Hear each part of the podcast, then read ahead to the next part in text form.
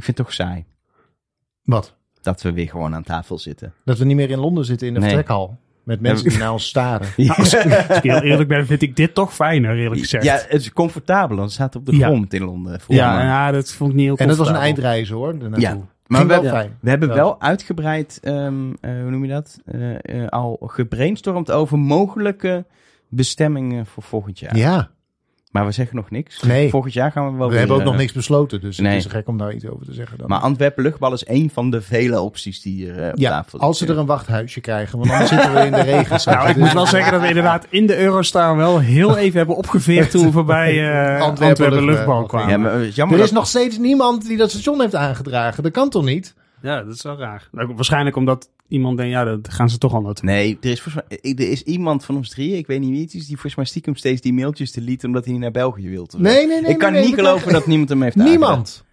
Maar Heb ik je denk, dat de alle spam luisteraars, gekeken ook? ja, ik denk dat alle luisteraars denken, oh, dat doet wel iemand anders. Maar dat is dus niet zo. Dus doe het.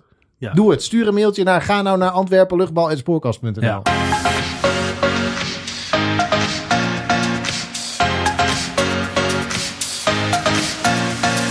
Hallo en welkom bij de Spoorcast, een podcast over dingen die rijden op rails en eh, waar eh, niet alleen bedrijven mee bezig zijn, maar ook onze overheid. Ja. En dus waar ook een toekomstig kabinet iets over te zeggen heeft. Moet hebben. Hebben Want het is een crisis natuurlijk in het OV-land. Dus je gaat ervan uit dat het een van de na de hoofdpunten- overname van Arriva door een investeerder bedoel je? Of, eh, Ga je, ga je nou niet mijn actueeltje voor, eh, voor mijn voeten weg? sorry. Maar ja, er is crisis in het OV, dus je gaat ervan uit.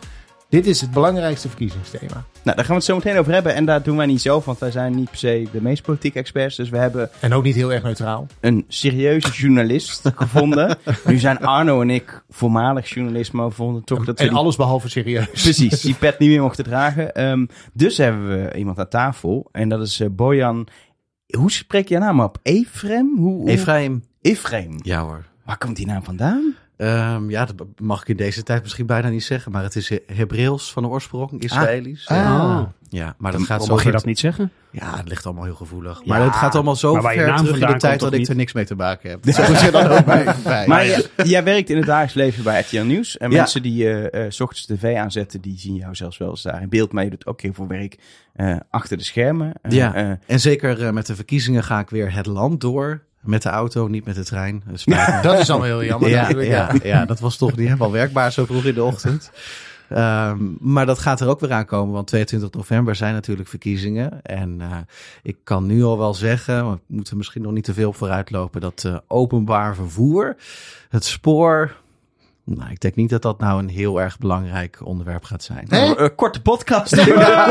Tot volgende maand. nee, Maar volgens mij staat er wel in alle verkiezingsprogramma's vaak wel iets over openbaar vervoer. Ja, ja, maar dat is ook omdat zo'n verkiezingsprogramma natuurlijk altijd een soort ruggengraat is van een partij. Dus eh, daar staat echt alles in wat je kan bedenken wat een partij moet gaan vinden. Want ja, stel je voor dat eh, als er straks een nieuwe Kamer is en over twee jaar ze iets moeten gaan vinden over een bepaald iets, dan is het al handig als het al in je verkiezingsprogramma staat. ja. Dat is waarom dat eigenlijk een soort heel compleet document is. Ehm, maar dat betekent niet eh, dat het bovenaan staat. Je ziet het vaak al aan waar in het verkiezingsprogramma openbaar vervoer staat. Dat staat meestal niet op pagina 1. Nee. Dat is nu bijvoorbeeld vooral bestaanszekerheid. Ehm, dat is echt een belangrijk thema. Bij de VVD zie je dat eh, migratie bijvoorbeeld heel hoog staat. En niet openbaar Zorg vervoer. doet het vaak altijd goed natuurlijk. Woningen, Ja, dat soort ja, dingen. wonen ook inderdaad. Ja. Ja. Oh, ja, maar niet vervoer. dat is, dat is zo'n modewoord nu toch ineens? Omdat eh, een nieuw sociaal contract daarmee gekomen is. Ja, het heeft ook wel weer met openbaar vervoer te maken hoor. Want er wordt natuurlijk veel gesproken over het verhogen van eh, bijvoorbeeld de treinkaartjes. Oh ja. Ehm, waar ook eh, de afgelopen tijd in de Tweede Kamer best wel wat over te doen is geweest. Hè? Die spitsheffing eh, bijvoorbeeld. Prijsdifferentiatie. Ja, precies. Met een duur woord heet dat eh prijsdifferentiatie. Ja, nou, nee, want je zegt spitsheffing, maar dat is eigenlijk een beetje een frame. Want eh, het is, wordt namelijk in de dal, daar hebben wij een hele aflevering over gemaakt. Het wordt in de dal goedkoper en in de spits wordt het Maar dan er gebeurt voorlopig helemaal niks. Kan Maar-. Nee, Nee, er nee. gebeurt niks. Maar Nee. uiteindelijk is de lijn nul. Dus daarom is het eigenlijk gek om het een spitsheffing te noemen. Want niemand Nee. noemt het de grote dalkorting. Nee. Nee, het wordt inderdaad wel gespind, zoals het dan heet. Hè? Ja. Het klinkt dan net Ja. wat negatiever. Als je het over een heffing hebt. Niemand wil natuurlijk een heffing betalen. Niemand Precies. wil belasting betalen. Dus ook Nee. geen spitsbelasting. Maar eh, conclusie, jij hebt eh, sowieso voor je werk alle partijprogramma's gelezen. Toen vroegen wij je, kun je dan even extra goed de spoorsecties lezen. En zo Dat heb ik gaan voor we jullie dat, gedaan. Gaan we Ja. dat doen, gaan we dat duiden. Maar eerst is er gewoon ja, veel nieuws ook. Och, och, och. We- Het och, klotst tegen de Sterker plinten. nog, er zit zoveel nieuws in dat zelfs is gesneuveld. Ik wil toch heel even in één zin benoemen. Wat? Dat Wat is eindelijk de elektrificatie van de uh, Hanselijn, de Maaslijn. Hanselijn van de Maaslijn eh erdoor is. Is dat Het nieuwtje gesneuveld? Ja, dus Oh, dan moeten we het er even uitgebreid over hebben waarom het gesneuveld is. 2026 in ieder geval. Ja, dan moet het af zijn. gebeuren. Maar het is ook een gedeeltelijke verdubbeling. En Ja. het is een project wat volgens mij al 100 jaar op de plank Er is ligt een aannemer die gaat het doen. Dat is Svitelski ja. Wie? Svitelski. Wie? Svitelski. Wie noemt zijn bedrijf nou Svitelski? Ik denk meneer Svitelski. Of mevrouw Svitelski. of iemand die Swit heet en iemand die Tel heet en iemand die Ski heet. Ja, maar Structon is ook niet van meneer Structon, hè? Nee, dat is van meneer, hoe heet die meneer? Sandering. Sandering, ja. Ja. Daar is ook een hele mooie podcastserie van het AD over. Maar dat is iets Ehm, heel anders. Ander verhaal. Andere Ehm, vrouw. ja. Eh, dat nieuws is gesneuveld. Nieuws wat het wel haalde, onder andere Arno, gaat over een eh, station dat wel eens wordt overgeslagen. Ja, Tilburg Universiteit. Zijn Mijn wij- hemel. Zijn wij nog nooit geweest? Althans, niet voor de spoorkast. Niemand heeft het opgedragen ook. Nee, nee Dus gaan want ze het vaak, naar gaat de Tilburg trein er en- heel vaak voorbij. Nee, dat is niet helemaal waar. Nou ja, het, het was... Als we ooit geen reportage hebben opgenomen, zeggen we gewoon dat, Dat we naar. Tilburg Universiteit wilden. En dat dat de trein niet snapt. Wat is er aan de hand? Het Brabants Dagblad had blijkbaar iemand gesproken, die eh, eh, student natuurlijk, want ja, het is bij Tilburg Universiteit. Die zei van ja, eh, de trein eh, rijdt wel eens eh, het station voorbij. En eh, dat klopt inderdaad. Eh, in september en oktober is dat 47 keer gebeurd. Dan is de vraag, is dat veel? Nou, Dat is 47 keer te veel in ieder geval. jawel. Maar weet je hoe vaker in totaal een trein, de, de trein is gestopt op Tilburg Universiteit? Ja, dat zou een kerel 30, 40 per dag zijn. De, twa- duizend keer? 4317 keer. Wat? En daarvan zijn er er dus naast. 47 Ja, wat niet. is er fout in mijn rekensom? Zijn er maar ik 47 heb twee kanten op natuurlijk ook. Dat was ik sowieso ook al dat vergeten. Ja. En je hebt zeven dagen in de week. Ging dat goed? Dus dat is 1%. Nou, niet helemaal. Ah, oké. Dat is dus 1%. Maar inderdaad, het is te veel. Maar eh, gek genoeg. Is dat nou ook veel meer dan andere stations in het land? Ja, het is wel iets meer. Want je hebt ook andere stations waar het gebeurt. En de, ja, bijvoorbeeld ook eh, station eh, Den Bosch Oost gebeurt het ook wel eens. Maar dat is maar in 0,7% van de gevallen. Het gebeurt wel op de grote stations en altijd de kleine eh, stations. Op Nou, ik zal even uitleggen waar dat vandaan komt. Over, geslagen worden. Het gebeurt alleen als een trein meer dan 7 minuten vertraging heeft. En dat gaat eigenlijk, eh, het gaat heel vaak over de trein die vanuit Den Bosch komt. Dus die, eh, die eh, Richting dan- Dordrecht is dat dan. Richting Dordrecht, Ja. Tilburg Universiteit. En ja, je hebt eigenlijk twee opties als zo'n trein op een gegeven moment vertraging heeft. Arjan, jij kunt dat dadelijk vast beter uitleggen. Maar dan ga je de rest van het treinverkeer ook dwars zitten. En dan heb je twee opties. Of we schrappen de hele trein, of we slaan gewoon één station over, waardoor je die vertraging wat inhaalt. En ja, er zijn dus stations aangewezen op basis van reizigersaantallen. Tilburg Universiteit klinkt natuurlijk alsof er altijd studenten zijn, maar eh, dat is natuurlijk niet zo. In het weekend zijn er geen studenten, s'avonds ook niet. Eh, en op tijden Ja, maar overdag wacht ook even, niet. wacht ik, ik denk niet dat mensen gaan zeuren als dit alleen maar in het weekend en in de avonden gebeurt, toch? Ik neem aan dat dit ook het, gebeurt op het station heet Tilburg. Universiteit. Het heette tot een paar jaar geleden, of tien jaar geleden zo, Tilburg West. Want het is waar de universiteit zit, maar er wonen ook gewoon wel Hmm. veel mensen daar in de omgeving. Jawel, Gewoon maar in het normale verhaal huizen. ging het vooral over studenten. Daarom eh refereer ik. Maar, eh, dus daar, en omdat je, je kunt bijvoorbeeld wel zeggen, we doen, eh, nou, we doen Geelse Rijen. Of we doen, eh, dat is een station dat erachter ligt, hè. Of we doen eh, Tilburg Racehof. Alleen Tilburg Racehof komt maar twee keer per uur een trein. Tilburg Universiteit vier keer per uur. Ja, zo, worden dus afwegingen gemaakt. Ehm, overigens, het gebeurt niet meer in het weekend, want in het weekend rijden er minder treinen op Tilburg Universiteit, dus dan gebeurt het niet. Maar de keuze is dus of schrappen of eh, een station overslaan. En dan moet je dus een keuze maken. En dan is in dit geval gekozen voor Tilburg Universiteit. Daar komt het eigenlijk eh, vandaan. Dus of je dupeert iedereen die nog met die trein moet, of je dupeert eh, alleen mensen op één station. En die kunnen dan, ja, eh, eh, Ja. een paar minuten Die, later. die uitleg snap ik en die is logisch en, en, en rationeel klopt Er allemaal. is nog een andere is natuurlijk- optie, hè? Oh? Gewoon laten rijden.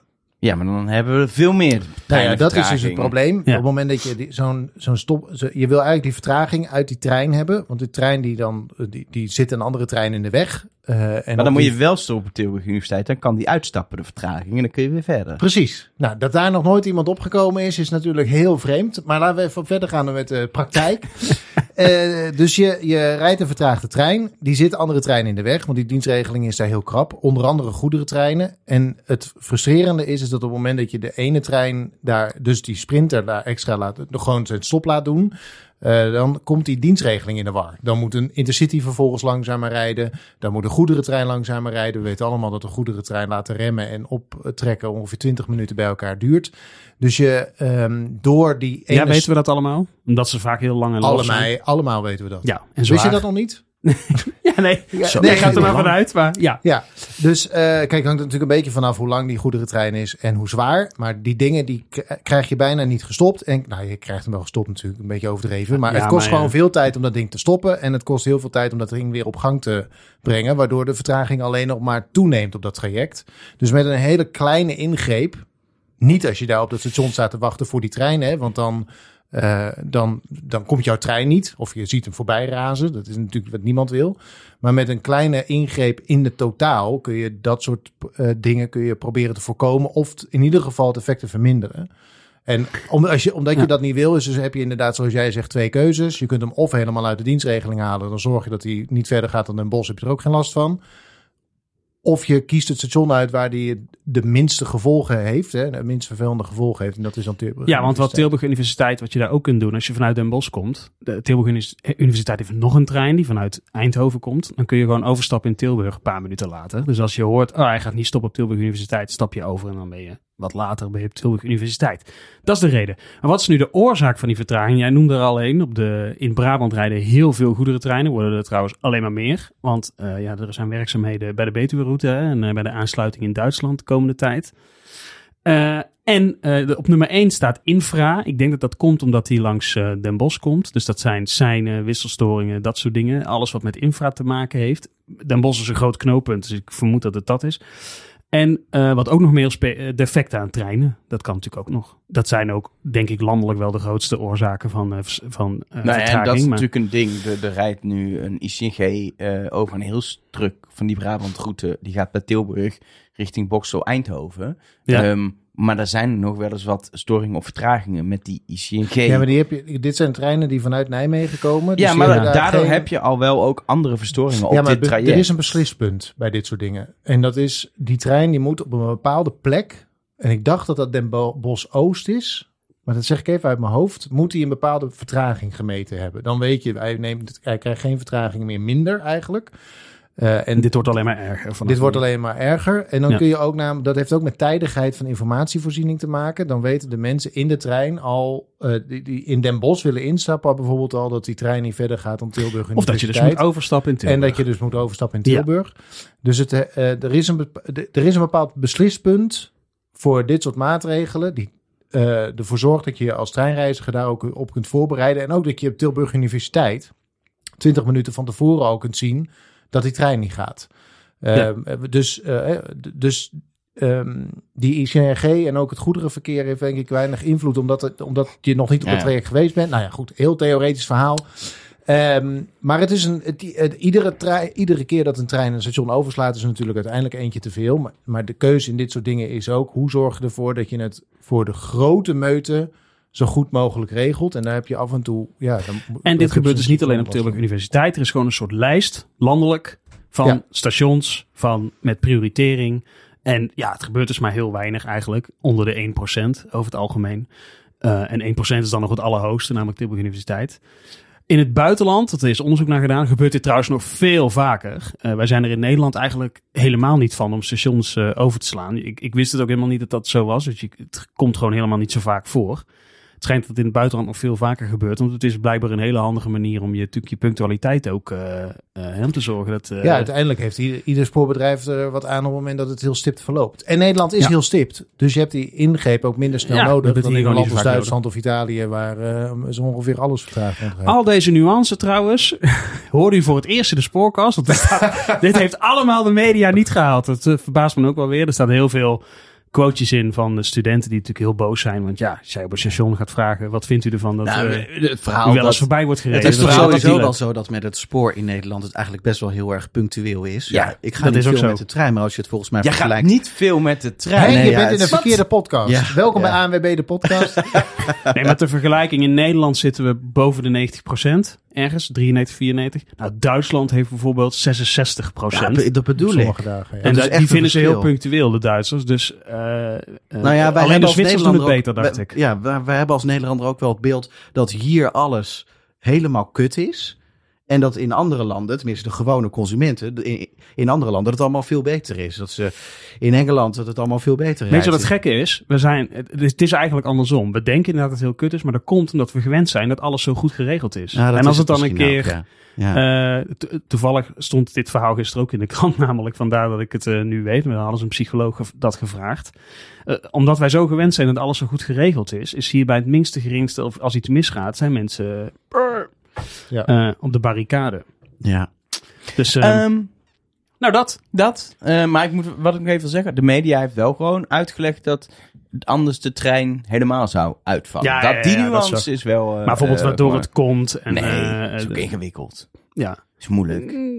Ja, maar het zou soms wel eens goed zijn om dingen goed Daarvoor- uit te leggen. Daarvoor is deze podcast. Zo is het. Maar Ehm, dan krijg je een mooi nuance-artikel dat niemand leest. Hè? Dan, dat, is het dan wel. Dan heb je eerst gezeik en dan Maar vervolgens misschien moeten wij er hier een artikel van maken. Oh, Ja, dat kunnen ja, we dat kunnen we tegenwoordig. doen. Dat kunnen we tegenwoordig. Dat hebben we eerder gedaan. Ja, we hebben een soort site waar we Nou, dat kunnen doen. Als De jij link nou eens gaan wij doen. De Ja. link vind je in de show notes. Oh, dan moet ik het wel heel snel doen. 1 november moet het online staan. Succes. Succes ermee. Ehm, ik heb ook een, eh, een nieuwtje van hele andere orde. Ehm, we hebben het hier al vaker gehad over, nou toch wel een van de meest gewenste treinverbindingen van Nederland op Utrecht. Utrecht, Breda. Breda. Na. Ehm, eh, en de- die die is, komt er zeker niet. Maar wat er misschien wel komt, ooit, misschien ook niet, we weten het niet, is uiteindelijk de Lelylijn die dan eh, door Flevoland verder naar het noorden moet. En dan kun je op die manier een stuk sneller naar Groningen en Leeuwarden toe vanuit Ja. eh, bijvoorbeeld Amsterdam. Eh, het punt is natuurlijk, daar is een trein spoor moet ik zeggen, een treinlijn die eh, niet goedkoop is om aan te leggen, Nee. veel gedoe. Eh, dus er wordt ook al gekeken naar eh, alternatieven. En nu zijn er blijkt twee alternatieve opties. De, Begin in Breda, dan via Utrecht naar Groningen. de eerste is Top inderdaad idee. om gewoon... Ik begrijp dat jij uit Breda komt. eh, nee, niet eens, maar je Nee. moet wel eens die kant op en dan moet, Moet je altijd overstappen. Of Rotterdam of Den Bosch. Dat mist wel gewoon, dat hoekje, zeg maar. Eh, goed. bijvoorbeeld als je naar Antwerpen Oké. luchtbal zou willen vanuit Ja, Utrecht. bijvoorbeeld. Ja.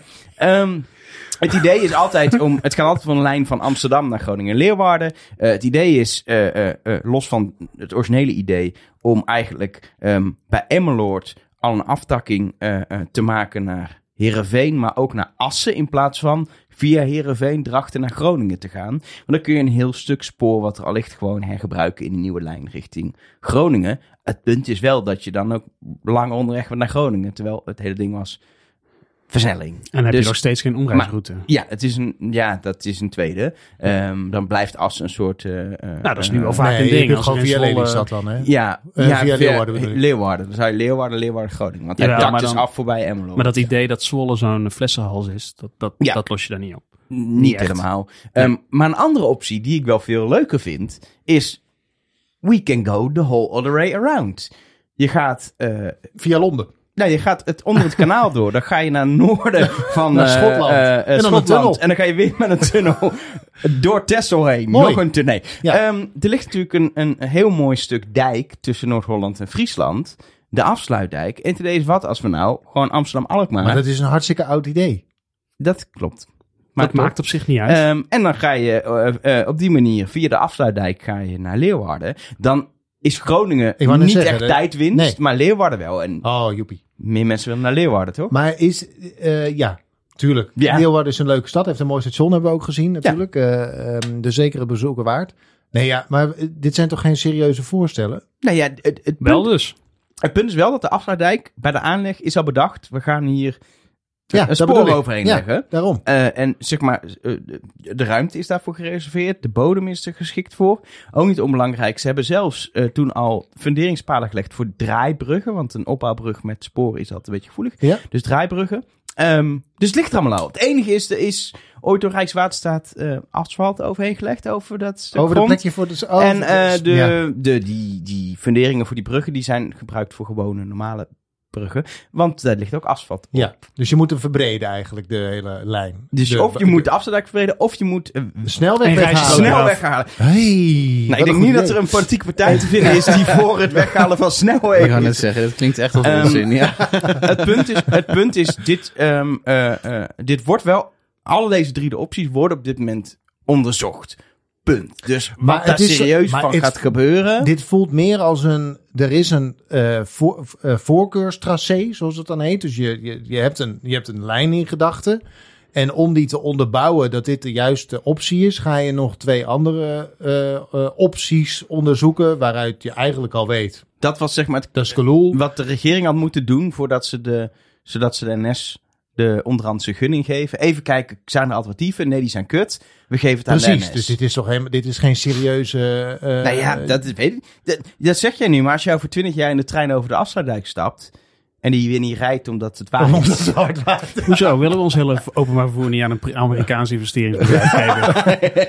Nee, maar de, ehm, de- bedoel, voor Groningen en Leeuwarden is de verbinding via Lelystad eh Emmeloord is gewoon het best. Want je hebt en bij Herenveen krijg je een aftakking naar, eh, naar Leeuwarden vanuit het zuiden. En je rijdt rechtstreeks hopsakee via Drachten en dan weet ik Nou, veel. Arjan heeft een duidelijke voorkeur. naar, nee, maar, Ja, maar het, is, het punt is, dat is de beste optie, maar waarschijnlijk voor ergens- allebei de voor allebei ja, maar de waarschijnlijk niet de meest goedkope optie. Al lijkt Nee, de maar afsluitdijk het zeggen, duurste lijkt me optie. toch lijkt me ook- ook niet goedkoop. Maar dat gaat toch zo meteen gewoon uit de studie blijken ook? Dat, nou, ik, uit die studie ik denk dat uit de dat er studie geen- blijkt dat de optie via as het goedkoopst is, maar te weinig winst oplevert voor de investering. Dus dat de originele optie de beste is. Dat denk ik. Dat denk maar jij. ik ben totaal geen expert. En ik ben tegen, want het gaat dan rijden door het Dwingelerveld. En dat moeten we niet willen met z'n allen. Hoofd. Wat? Het Dwingelerveld in Drenthe. Prachtig hoor. We moeten Ja, door. mooi. Dit We is- moeten door. We hebben ook een gast, dus we gaan door. Oké. Arjan, heb jij nog nieuws? Eh, het schijnt dat er een eh, eh, treinbedrijf in de verkoop gaat. Maar dat is allemaal niet zo nou, belangrijk. In de verkoop gaat. Nou ja, Nou, verkocht is, Het, voorstel is, nou nee, want de, de, de Duitse eh, mededingings bla bla moet hij nog iets van vinden volgens Oh, mij. ja. Dus het is nog niet helemaal officieel. Maar eh, Arriva, eh, nu onderdeel van Deutsche Bahn, ooit eh, Brits, eh, wordt verkocht aan een Amerikaans investeringsbureau. Ik heb voor de volledigheid de naam opgezocht en dat is I Squared Capital. Een durf investeren. Zo Een durf equity.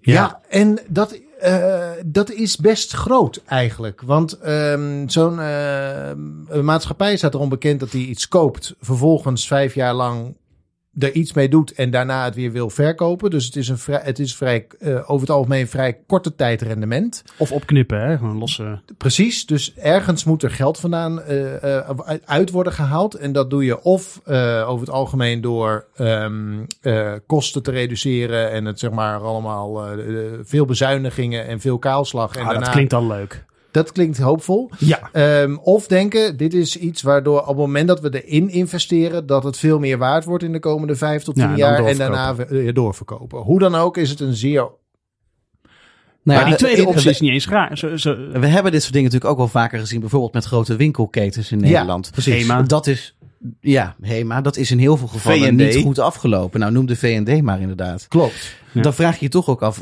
waar gaat dit dan heen? Nou, het voordeel van de, zeg maar, de, de, de, de- het verschil ten opzichte van een HEMA of een VED is dat de, de, die vervoerder die rijdt onder Die verkoopt allerlei- geen worsten. Die verkoopt geen worsten.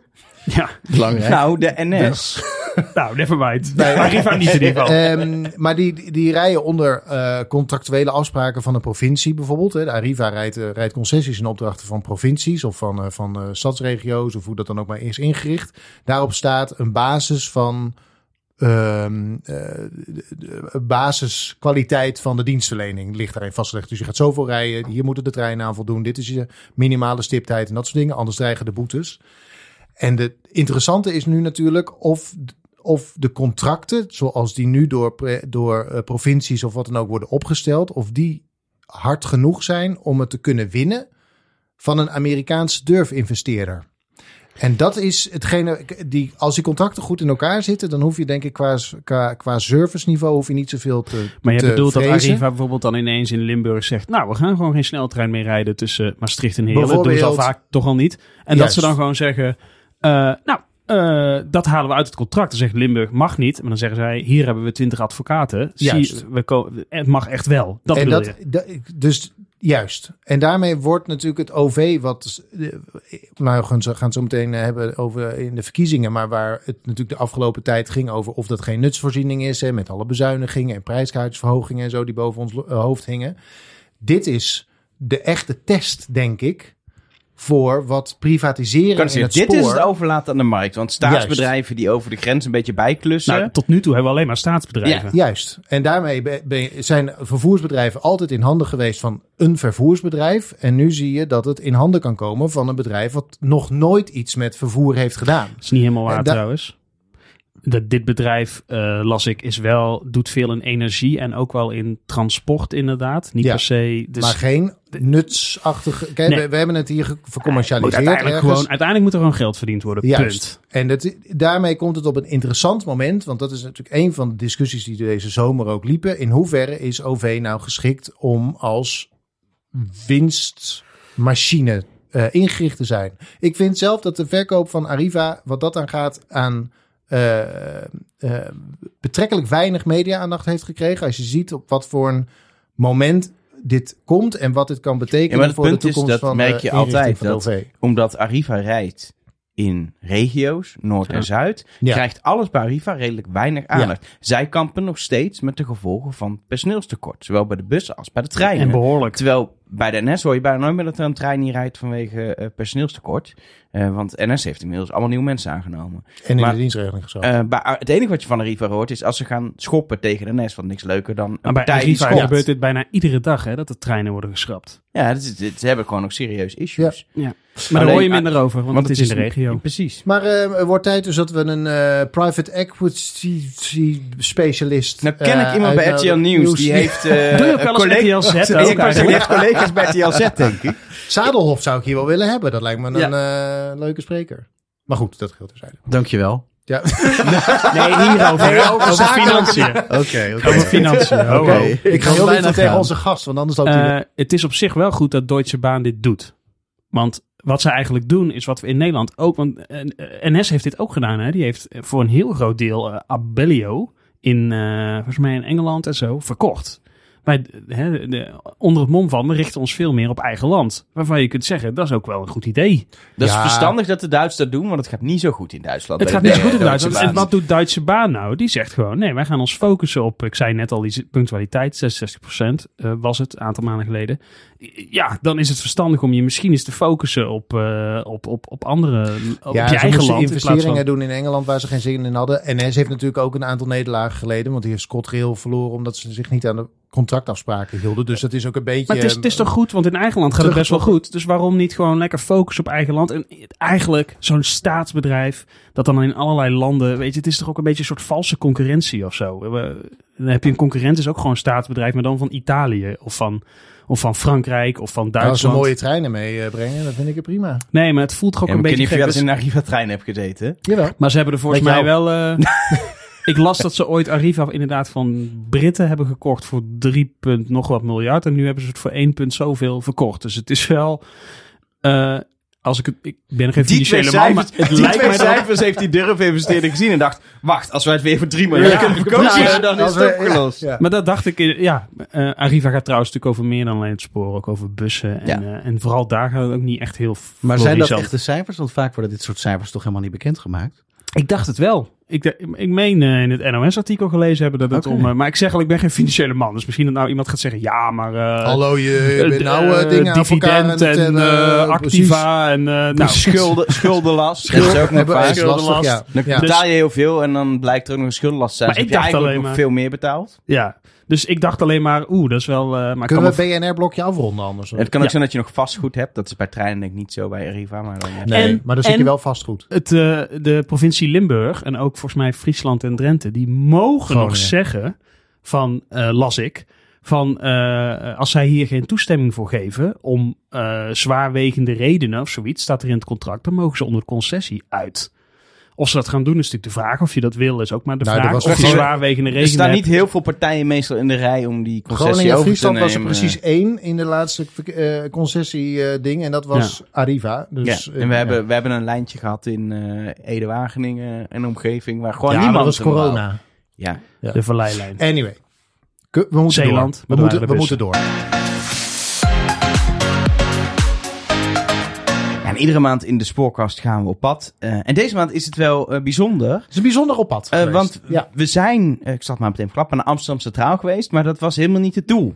Want, Jawel, het was wel het doel om daar naartoe te gaan. Ja, maar niet, we hebben niet een stationsreportage Reportage. van Amsterdam Centraal. We hebben Arno ook niet, dus nee. is ook geen... Wat? We, gaan ook nooit meer terug naar de studio. we gaan nooit meer terug we zijn daar voor altijd gebleven. Ja. Uh, nee, wij waren in uh, Amsterdam, want daar was uh, de presentatie van een echt een heel tof boek van journalist Sander Groen. Ja. Die heeft een boek gemaakt tussen de rails en dat gaat over zijn ervaringen als reisjournalist. Hij is reisjournalist. En hij uh, is gestopt helemaal met vliegen. Alleen nog met de trein. En hij heeft eigenlijk 35 van zijn treinreizen in Europa heeft hij, uh, beschreven. En het is dus zowel de reiservaring als ook letterlijk wat hij heeft beleefd aan boord. Dus de echte romantiek van het treinreizen, wat je allemaal langs ziet komen, maar ook hoe je dan bijvoorbeeld kan eten aan boord. Dat zit allemaal in de ja, boek. zit ook vol met tips. Dus hè, hoe, hoe, boek je dat dan of hoe regel je dat dan en hoe zorg je ervoor dat dat zo prettig mogelijk voor jezelf uh, is. Dus uh, ja, het, is een, uh, het was een leuke boekpresentatie en wij hebben de beste man gesproken. Ja, en dat is waarvoor we naar Amsterdam Centraal zijn geweest. Precies. Ja, de clichévraag is toch, Sander, een, een boek over reizen met de trein. Hoe ben je op het idee gekomen? Uh, nou, ik ben zelf altijd al heel erg dol geweest op reizen met de trein. Het begon al uh, toen ik nog uh, een puber was. toen had je de, de tienertourpas, waarmee tieners acht dagen lang voor 20 gulden het hele land door konden reizen. Uh, en dat deed ik ook, samen met mijn, met mijn buurjongetje het hele land door. Zo ver mogelijk weg graag, van Groningen naar Valkenburg en van Vlissingen naar Den Helder.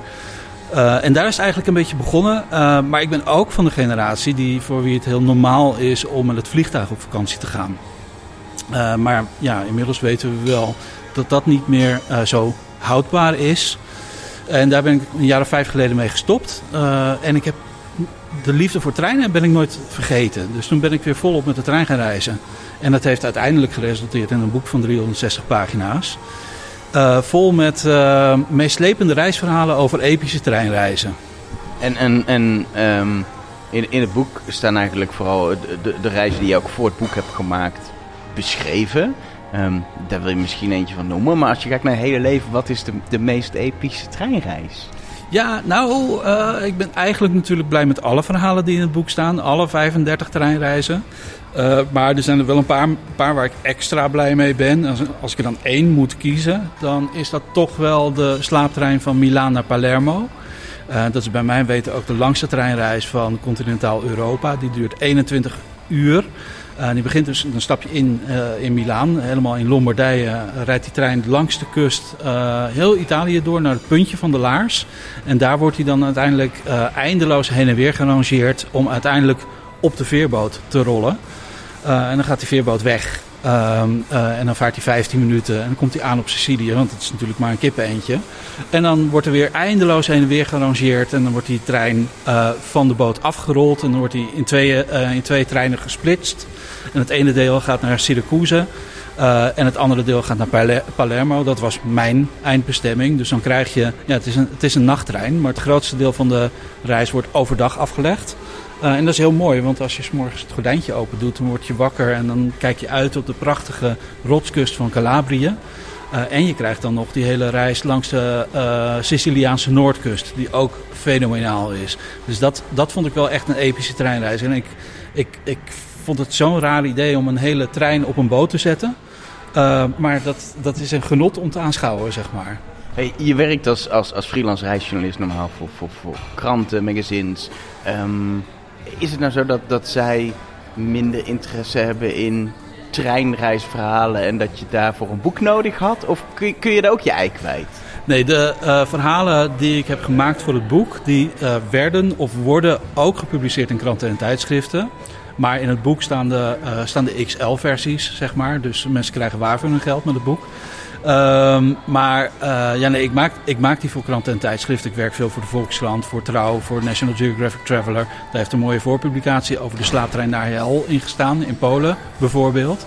Uh, en ook in, de België, in België voor Knak en De Morgen. Uh, dus dat, dat is eigenlijk mijn uh, verdienmodel. En het boek is eigenlijk een soort van verlengde daarvan, als je begrijpt wat ik bedoel. Maar daar staan wel echt de mooie, grote verhalen in, uh, waar ik echt mijn best op heb gedaan. Maar heb je het idee dat, dat, dat er meer interesse is in dit soort verhalen dan pakken bij tien jaar geleden dan? Ja, ik had het daar ehm, eh, net nog over. Ik, ik, weet niet of jij, uh, jij zegt het in de intro natuurlijk, maar we zijn hier op de boekpresentatie van het boek. Ehm, eh, en ik had het daar net nog met iemand over dat, ehm, dat ik eigenlijk al heel lang heel graag mooie grote treinreizen maak. Maar dat ik die niet verkocht kreeg. Dus ik, ik, ik pitchte die dan bij redacties van kranten en tijdschriften. Maar ik raakte ze aan de straatstenen niet kwijt. Want er werd echt gereageerd. Zo van ja, met de trein, hoezo zou je dat doen? Het vliegtuig is veel sneller. Uh, maar de reis is juist de bestemming als je met de trein gaat. En dat is ook het pleidooi wat ik wil uh, geven met het boek. Um, we zijn natuurlijk gewend geraakt dat je zo snel mogelijk met het vliegtuig van A naar B wil komen. En dan begint je vakantie pas. Maar met de trein is het heel anders. Want zodra je in de trein stapt, dan begint je vakantie al. Uh, dus maak de, maak, de reis een, de, uh, de, ja, maak de reis een onderdeel van je vakantie. En dan kun je er ook wat meer geld aan besteden. Uh, wat, hè, voor wat extra comfort in de eerste klas en zo. Lekker eten onderweg in de trein. Ehm, dat, ja, dat maakt het toch net even wat, wat comfortabeler. Maar het vergt wel een andere mindset. Het vergt wel dat als je, um, nou ja, om een, om een voorbeeld te noemen. Ik ben niet alleen van de treinreizen, maar ook van alle slow travel, van alle vormen van langzaam reizen. Uh, ik ben bijvoorbeeld naar Engeland geweest met de boot. En dat vond ik ook uh, geweldig ontspannen. Dan zit je een hele nacht op zo'n boot, lekker in je eigen kabientje. Uh, S'avonds bij zonsondergang vertrekt hij. dan ga je lekker eten en dan slapen. En dan de volgende ochtend word je uitgerust wakker. En dan staat de trein klaar en die brengt je in no time naar Londen. en dan, en dan, dan, ja, dan begin je uitgerust aan je vakantie. Dan ligt Londen aan je voeten, zeg maar. En dat, dat vind ik een heel groot verschil met tussen vliegen en treinreizen of langzaam reizen. Dat je zo lekker ontspant. Ik heb natuurlijk um, één kritische vraag nog. Want tijdens de presentatie zei je, uh, je komt uit Pernis. Maar het mooiste station van Europa is Amsterdam Centraal. Hoe kan iemand die geboren is binnen de ring van Rotterdam Oh, moet het ook weer ja, dat er die Rotterdam-connectie moet erbij? Dit zijn belangrijke vragen. Ja, maar ook zonder die Rotterdam-connectie blijft de vraag staan. Ik kan niet ontkennen dat ik in Rotterdam geboren ben. Dat staat in mijn paspoort, daar kom ik nooit meer vanaf. Maar ik heb er de eerste drie maanden van mijn leven gewoond. En inmiddels woon ik al een jaar of dertig in Amsterdam. Dus ben ik wel een echte Amsterdammer. Ah, okay. En ik ben, natuurlijk ben ik een beetje chauvinistisch. Maar als je hier voor, voor het stationsgebouw gaat staan... en je, je geeft je ogen goed de kost... dan kan je niet anders concluderen dan dat dit het mooiste station, station van Europa is. Het is fantastisch. Alleen, maar, alleen al het feit dat het gebouwd is op 8687 houten palen. Dat is een bizar idee. We, zijn nu gewoon op een eiland in het ei, een aangeplemd eiland in het ei. En dit hele gebouw rust op ruim 8000 palen. Dat is, dat is bizar. Maar ook deze ambiance bijvoorbeeld van restaurant eerste klas. De vroegere eerste klas wachtkamers. Uh, want we zitten nu in een zijzaaltje, zeg maar. Maar daar, daar is het grote restaurant. En de boekpresentatie was in een kamertje ertussenin. Dat was de vroegere eerste klas eetkamer. Um, ja, dit is, dit is prachtig. Je wordt hier teruggeslingerd naar, naar, naar ja, al die... Uh, uh, het plafond is trouwens heel interessant. Het lijkt heel erg uh, Belle Époque, van de siècle, zeg maar. Maar dat is natuurlijk van Pierre... Het is, het is staal, dat hele plafond. Dat zou je niet denken, maar... Um, ja, en verder al die, ja, die, die zwierige schilderijen en die houten lambriseringen. ik vind dit, dit is ook ja, een van de mooiste verborgen plekken van Amsterdam, vind ik. Ik kom hier heel graag uh, kom je heel graag ook eten. En dat is eigenlijk wat mensen ook zouden moeten doen. Lek, gewoon lekker uh, de tijd nemen. Lekker uh, eten voordat ze in de trein stappen naar weet ik veel waar. Ik, ik, toch er was eigenlijk Arjen's vraag laatste vraag, maar deze moet ik stellen. Ben je niet gewoon in de verkeerde tijd geboren? Ben je niet te laat geboren eigenlijk, als ik dit zo hoor? nou, nee, dat denk ik niet. Ik, ik moet wel bekennen dat ik niet zo'n fan ben van hoogsnelheidstreinen. Om de simpele reden dat die vaak in verdiepte bakken en tunnels rijden en zo. Dus, uh, en over rechte spoorlijnen. Dus daarin zie je niet zoveel. Als het even kan, bijvoorbeeld als ik naar Basel reis of zo met de trein, dan, uh, dan ga ik via Koblenz. Dan, dan neem ik niet de hoogsnelheidstrein, maar dan stap ik in de Eurocity uh, die door de Rijnvallei rijdt. Want dan krijg je, dan doe je er twee uur langer over of zo. Maar je krijgt zoveel landschappelijke schoonheid over je heen gegooid.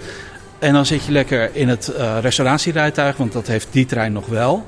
Uh, zit je lekker te eten uh, en naar buiten te kijken en van het landschap te genieten. Ehm, ja, dat is, dat is de allermooiste landschapsfilm, die je, je, natuurfilm die je je kan voorstellen zo'n beetje. En dat krijg je dan gewoon cadeau bij je reis. Daar hoef je helemaal niks voor te doen. Gewoon lekker op je gat gaan zitten en genieten. Perfect. Sander, dankjewel. Dankjewel. Het is toch raar dat er niemand terug naar de studio zegt. Vind ik Nee. raar. En toch zijn we er. Dus we hebben Arno eigenlijk niet meer nodig de eerste volgende keer op het station. of is het onaardig om te zeggen? Nee, we gaan voor de maand weer met Arno gewoon ja, op pad. want dat is wel eh, het leukst. ehm, wat we- we- ja, wat leuk ja. is, twee dingen. Ik heb één ding wat leuk is. Ja, Voorwoord is voorwoord geschreven Is geschreven door? Bert. Nee. Jawel. Nou, niet echt. Of Ernie. Nee, door nee, Bert. ja. Maar Oh, dan, het ja. voorwoord is geschreven door, door eh, Paul Hane, Bert. Oh. Vind ik leuk. En Oh, dat is echt serieus. Bert en Ernie. Of Margreet Doorman. Ja. Maar ik lees, dat, Gemdaad. ik lees dat dus ook dan met in mijn hoofd, die stem. Ja. ja. Oké. Eh, tweede leuke ding is, is dat we de Ree mogen weggeven. Hey! Weinig enthousiasme. Weinig enthousiasme. Boy, Maar- en je kan iets winnen. Het gaat om Ja, treinen, maar dat maakt niet maakt uit. Je kan niet iets uit. winnen. Leuk cadeau voor Maar is het een boek? Is het een boek? Het is een boek. Geen interesse.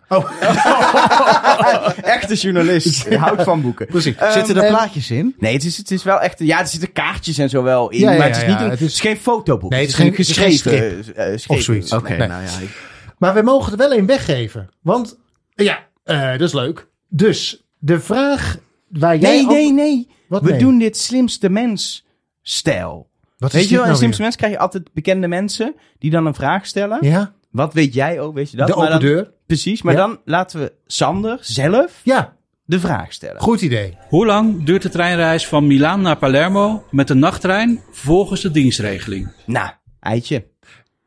Ik denk dat je dit weet. Ik denk het Ik eigenlijk denk ook. dat je dit weet. Als je denkt dat je dit weet, stuur even een mailtje naar... Niet ik- googelen trouwens, vind ik flauw. Wil ik even zeggen. Dit gaat iedereen googelen. nee, Maakt niet niet googelen. Ik zie Boyan meteen ook op zijn telefoon. Toch, wil hij toch een boek? Ja, je Ik, wilde ik weet het wel. Ja, ik hoef het boek niet, maar ik weet het wel. Ehm, als je- dus, voor hoeveel geld verkoop je het goede antwoord? Dat kun je nu zeggen. Oh, ja. Eh, nee, Zo'n goed, soort journalist is het niet. Nee, nee, nee. nee, nee. Ehm, stuur een mailtje naar ik weet het antwoord at spoorkast.nl. Ik wil dat boek at spoorkast.nl. Of doe mij dat boek, want ik weet het juiste antwoord. Een soort van combinatie tussen de eerste twee at spoorkast.nl. Eh, als je de eerste bent die het juiste antwoord instuurt, dan win jij het boek. Zet er dus wel eventjes bij naar welk adres het moet. Dat maakt communiceren en het bezorgen van het boek aanzienlijk veel makkelijker. Volgende maand laten we weten wie het was. Op 22 november... Bojan, ben je er nog? Mogen, we Ik mis weer... heel veel dingen weer, merk ik. Op, op 22 november mogen we weer. Dan mogen we eh, stemmen voor de Tweede Kamer. Eh, is dat ook ter Staten-Generaal eigenlijk? Ja, toch? Nee, Dus alleen de Eerste Alleen- Kamer. alleen de Tweede Kamer.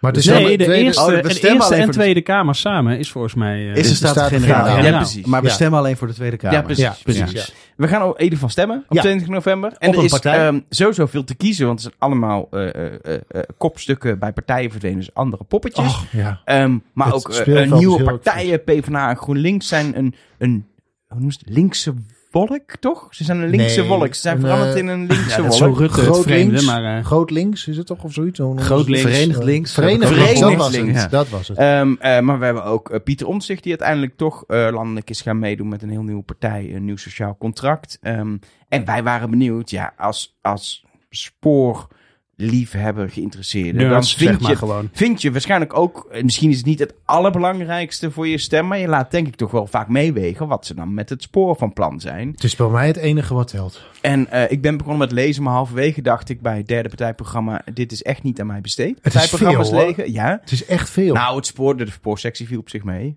Ja, maar Bojan, hoe... eh, Je moet eh, F laten we doen in het de- document. We zitten al, ik weet niet hoe lang te lullen met z'n drieën. Laten we even... Nou ja, Ja, ik was aan het zijn, opbouwen, Het, hoor. het zijn lang? echt weer Ja. eh, lijvige documenten inderdaad. Hè? Precies, Sommige want jij, gaan over de voor, 100 jou, voor, jou, voor, voor de lol, iedere avond lees jij even een uh, Voorslagen gaan. Ja. Ja. Hoeveel zijn het er? Er zijn 25 partijen die meedoen aan de Tweede Kamer. Nou, ik kan je wel mededelen dat ik niet 25 partijprogramma's heb doorgenomen. Al was het maar omdat van minstens de helft al duidelijk is dat hij toch nooit in de Tweede Kamer terechtkomt. Ja. Maar de helft, maar Is dan gaan dat- we minder partijen krijgen. Want het zijn er nu echt veel, hè? 19 of Ja, 20. ik chargeer het eventjes hoor. Oh, zo. Eh, ga me hier niet alsjeblieft niet op wordt het, wordt het zo, wordt het zo'n middag, jongens. 23 november bellen we je. Dan zeggen we het de Haan heel erg missen. Ja. Ja, ja nou, die komt sowieso niet terug. Ze had natuurlijk een partij opgericht en goud, maar ze doet niet Oh ja. mee aan de verkiezingen. Waarom Wie ze dan is een dit? partij op... Wie? Wat? Wat De Haan? Ja, Liane de Haan. Liliane de Haan of...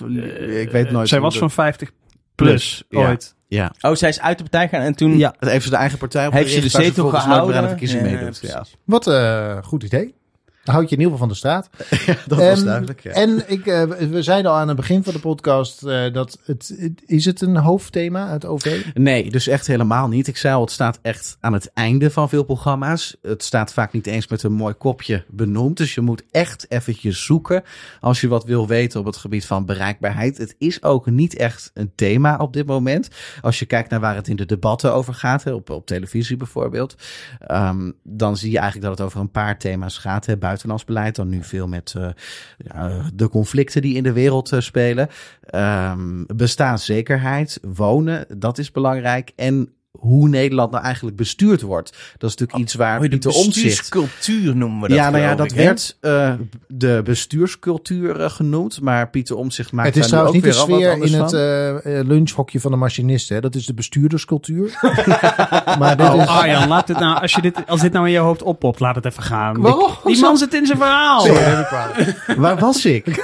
Ja, precies. Kom op.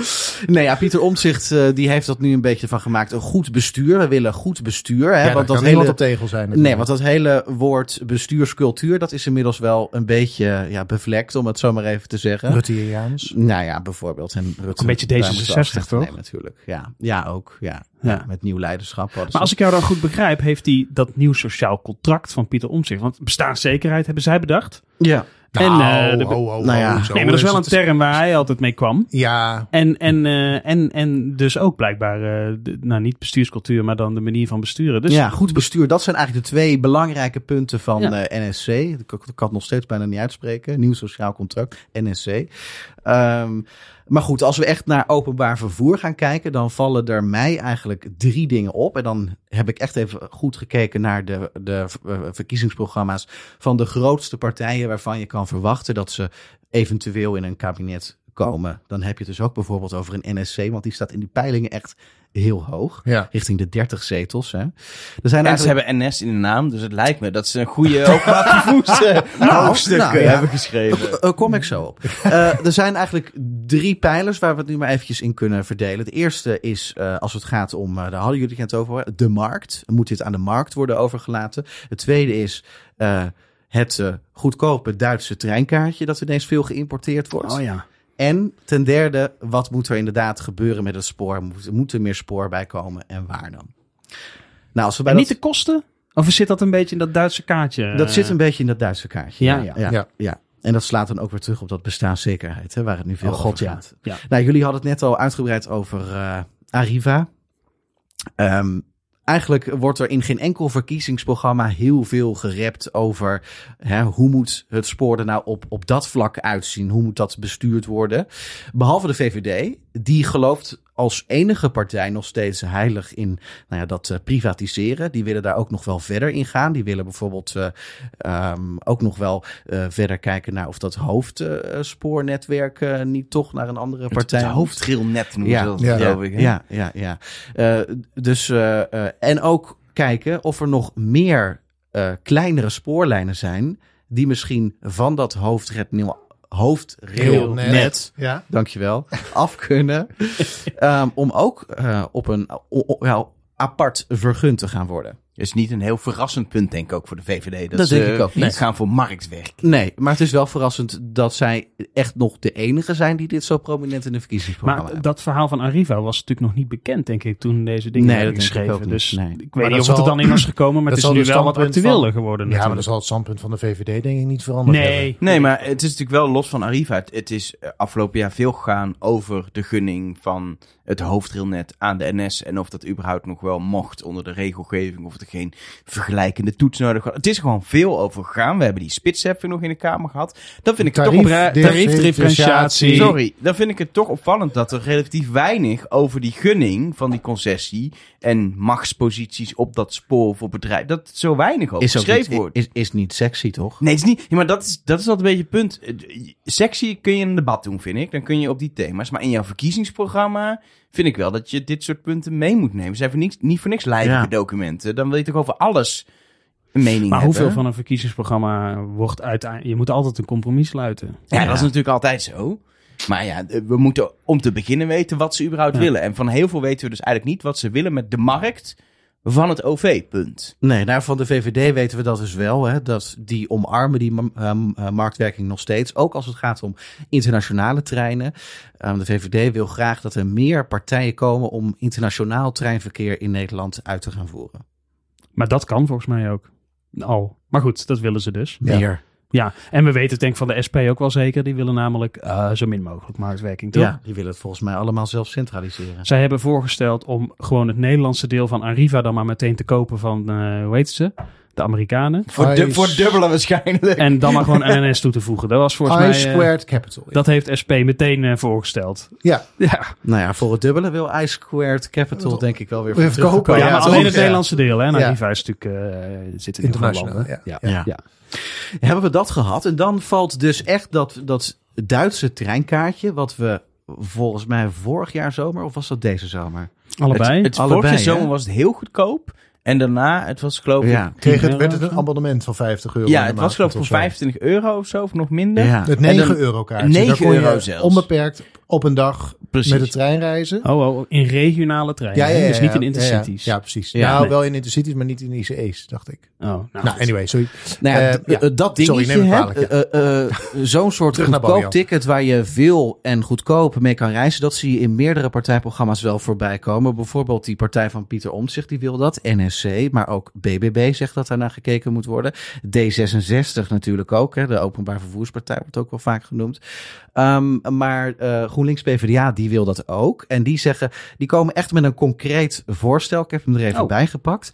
Een vast bedrag van 49 euro per maand, waarmee je in de daluren onbeperkt kan reizen in alle vormen van het OV. Nou, dat is toch best een oké prijsje. is vrij concreet, ook eh, vrij concreet. Want als, Ja. als BBB zegt, daar moet naar gekeken worden, dan denk je, oké, dat flikkert als eerste van de wagen. Uiteraard, ja. Eh, maar dit is een, dit is, dit, dit, Dit is een- concreet. Ja, Ja. precies, ja. Ja, dat... Maar dit voelt ook ergens wel weer... Dit is natuurlijk populair bij de kiezer. Goedkoop of eh, semi... Ik noem het altijd semi-gratis OV. Je betaalt wel wat, maar je krijgt eigenlijk voor weinig geld... kun je gewoon heel veel reizen. Dat is fijn, natuurlijk. Maar dat moet betaald worden. En Want waar hebben we het over 49 euro per, Maand. maand. per maand? Ja. Oké. Voor al het OV, dus ook bussen, Maar dit alles. zou toch een... Maar dit- nee, maar, maar Ja? even Ja, met sorry, maken? ja, Dat ja. moet echt van betaald worden. En dat geld, wat dat kost, dat, dat moet uit de staatskas komen. Dus dan moet slechts bedenken waar ze het vandaan halen. Dat geld zou je Nou ja, ook ik kunnen denk- stoppen in betere dienstverlening. Ik denk ook dat ehm, dit voor een deel wel bedoeld is om mensen het openbaar vervoer in te krijgen die nu misschien niet reizen of op een andere manier reizen. Of die weinig geld hebben en hiermee dus makkelijker in het openbaar vervoer terechtkomen. Maar wat, wat, is, wat het resultaat is, dat hebben ze in Duitsland gezien. Is overvolle treinen. eh Duits, ja, maar dat was is- natuurlijk wel echt een kaartje 9 Maar- euro voor drie Ja, maar maanden ook, lang, ik ben deze zomer in Duitsland geweest met 49 euro kaartje. Alleen maar overvolle stoptreinen. Maar dat is wel- uit. Maar dat is wel En de eh, kwaliteit de hele daar- dag, hè? Ja, dat is de hele dag. Het voordeel hiervan is, dat wilde ik eigenlijk, dat wilde ik eh, eh, zeggen. Als je, dit kan een manier zijn om die, de spitsprobleem van de NS op te lossen. Als jij voor 49 euro onbeperkt buiten de spits kunt reizen, dan hoef je de spits dus niet duurder te maken. Je maakt op een creatieve manier de dal goedkoper. Ehm, waarbij het aantrekkelijker wordt om in, die dal, om in het dal te reizen. Daarmee zul je die overvolle treinen, ja in het weekend misschien, maar door de week zul je met die overvolle treinen wel meevallen. Een klimaatticket wordt het overigens genoemd Ja. door Ja. eh, GroenLinks PvdA. Ja. mooi gevreemd, maar het is gewoon een goedkoop. Weet je wat het nou trouwens kost om onbeperkt eh, in de trein te zitten in de dal? Ja, dat weet ik, want dat Ja. doe ik iedere maand.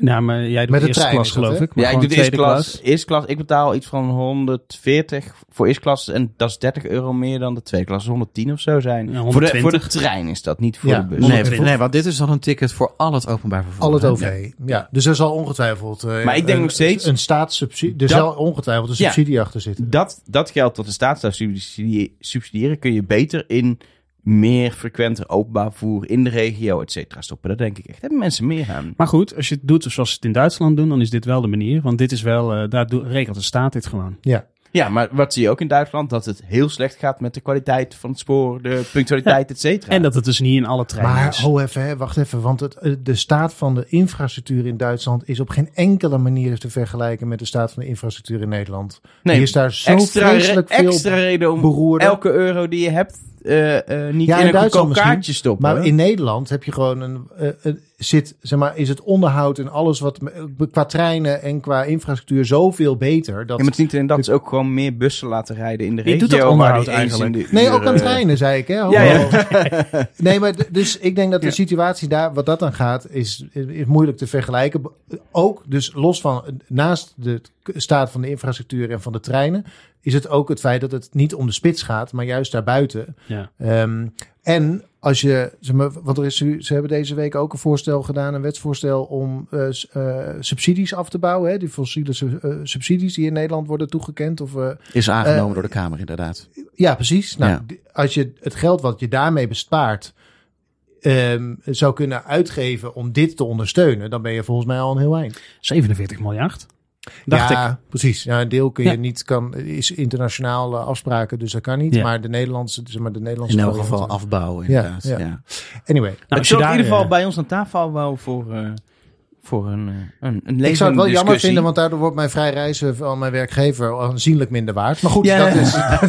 Nee, maar ik denk... Ik, Compensatie. ik, ben, Ja, precies, dan wil ik terug als loon. ik ben benieuwd naar de formatiegesprekken over het 29. Ja, maar, ja, dit, eh, maar dit komt dus wel echt in veel verkiezingsprogramma's voorbij. Hè? Als je bedenkt dat dit een eh, plan is waar, waar GroenLinks PvdA mee komt.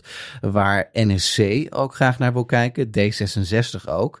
Nou, dan heb je al wel drie partijen die zomaar eens in een nieuw kabinet zouden komen. En dus zomaar ook eens met dit plan tijdens maar de onderhandelingen Bij zouden de kunnen onderhandeling is de conclusie ook al gauw...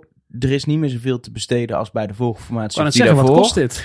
Nee, Eh, nee, dat is wel en dan waar. sneuvelt zoiets natuurlijk. Ja. Dit staat natuurlijk... Je zei al, dit staat niet vooraan in het verkiezingsprogramma. Ze, hebben, ze, ze schrijven niet op welke, zoals dat dan in Haagse termen, welke dekking daarvoor is. Hè? Dus waar ze dat geld dan vandaan willen halen. Nee, nee, dus Nee. hier zit geen expliciete eh, financiële onderbouwing Maar ik vind bij. het toch hoopvol. Ik ook. Toch? Ik Ja. ook.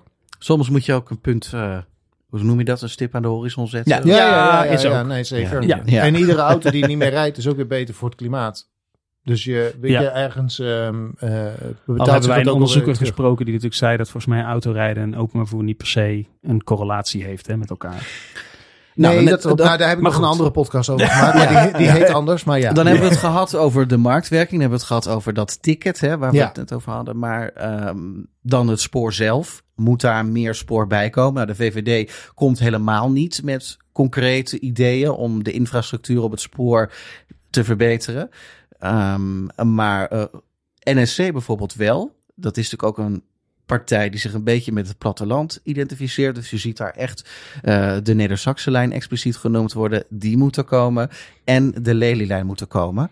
We hadden het net ook al eventjes over wat voor traject dan hè, voor de Lelylijn. Ja. Nou, dat wordt dan niet expliciet in het partijprogramma van Pieter Omtzigt genoemd. Die wil dan via leggen, denk ik.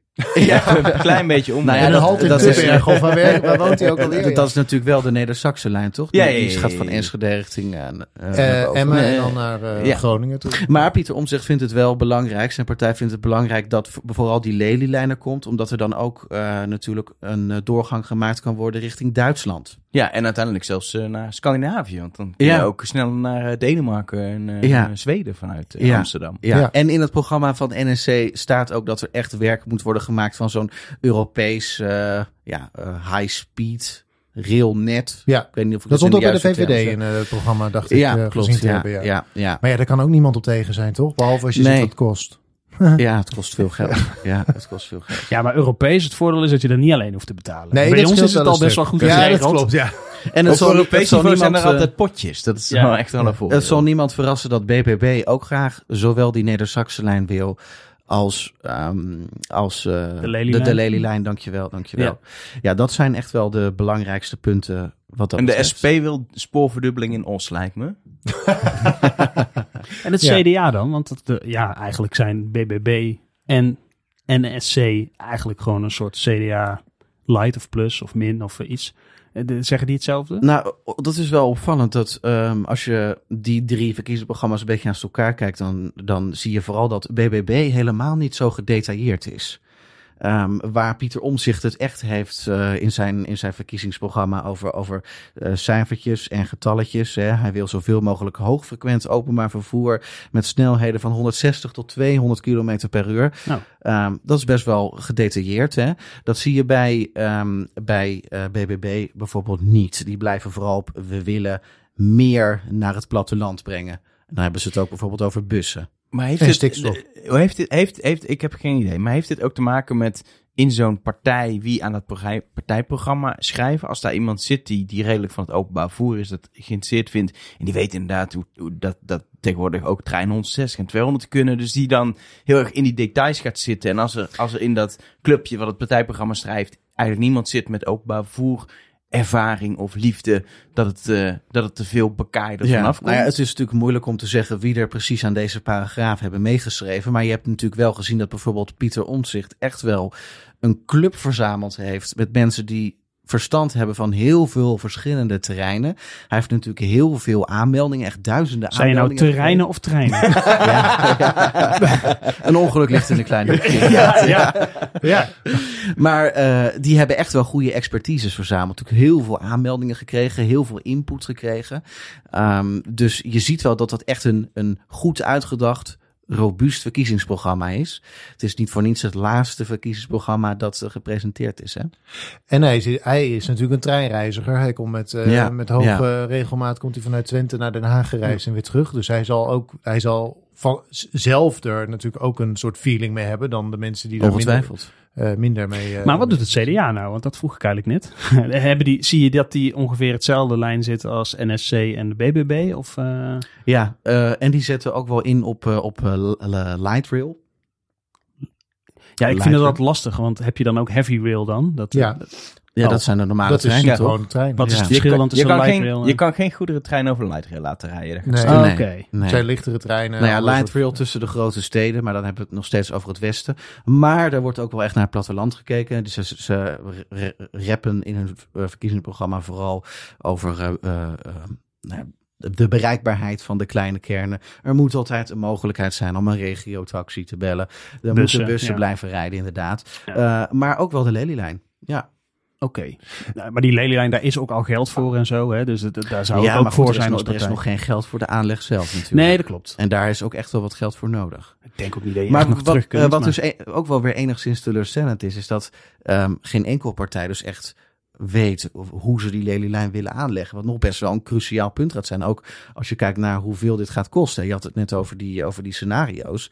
Dat is eigenlijk de belangrijkste keuze die volgens mij gemaakt moet worden. Waar moet dat gaan liggen? En het moet natuurlijk ook weer gekoppeld worden aan woningbouw. Want dat is wel een voorwaarde voor dat soort grote projecten.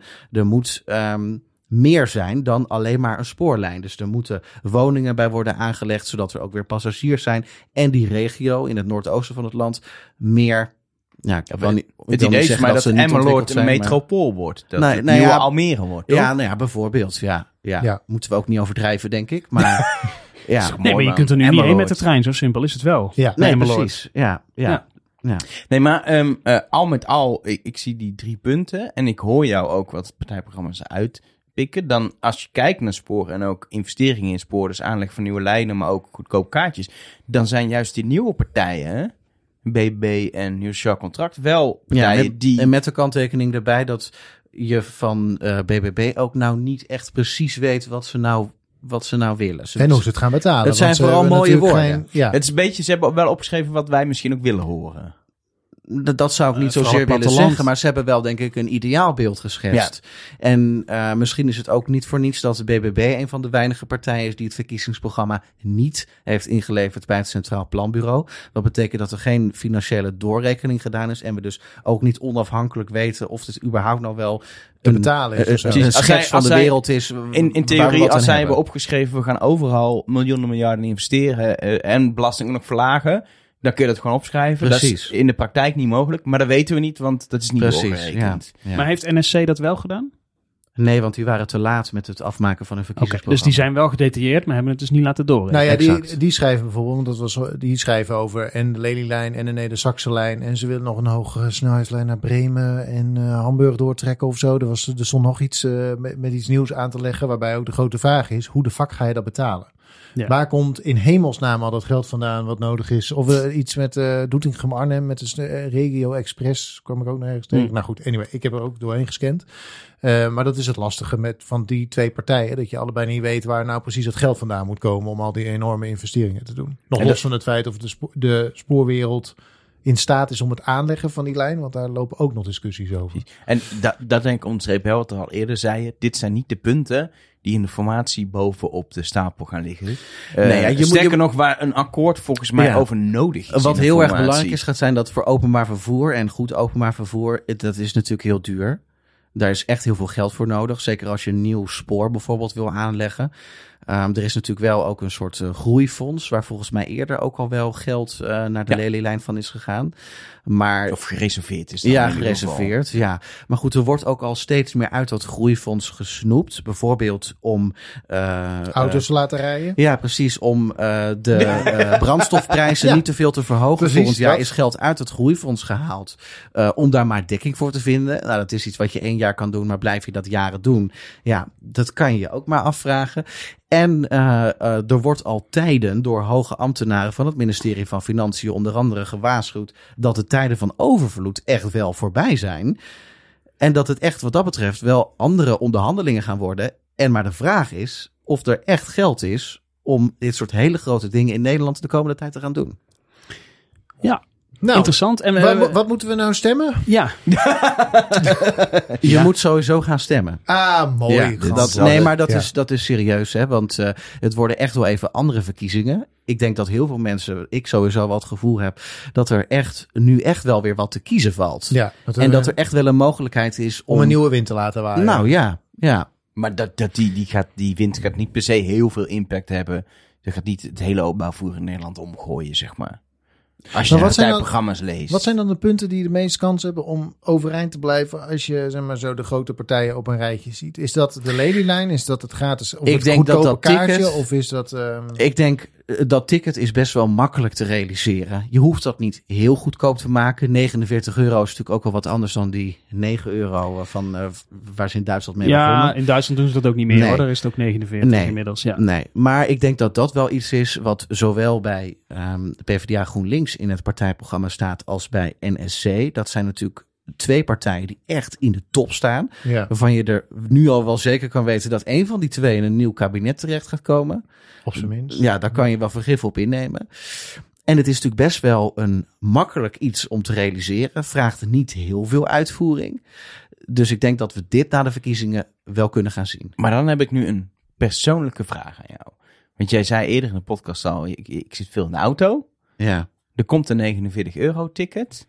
Koop jij er een en ga je meer met de trein dan? Ja, ik, ik, kan niet eens met mijn trein naar, ik kan niet eens met de trein naar mijn werk. Dus nee. Want je woont ergens in een dorp waar geen Ik- station is? nou, of, ik eh? woon in Rotterdam, maar eh, mijn werkdag begint om kwart voor vier. Oh ja, dat is lastig. Kun je de laatste trein nemen, toch? Ja, ja grapje. Ja, en als verslaggever is het ook best wel lastig. Ja, je kan niet Maar voor privé-tripjes uit dan bijvoorbeeld voor Ja. 49 euro ben je natuurlijk na twee, twee keer op en neer naar Amsterdam ben je er al uit. Nee, zeker. Dus wat dat betreft is het zeker interessant. Nou heb ik niet de, al- de allerbeste ervaringen met eh, de trein en, en privétripjes.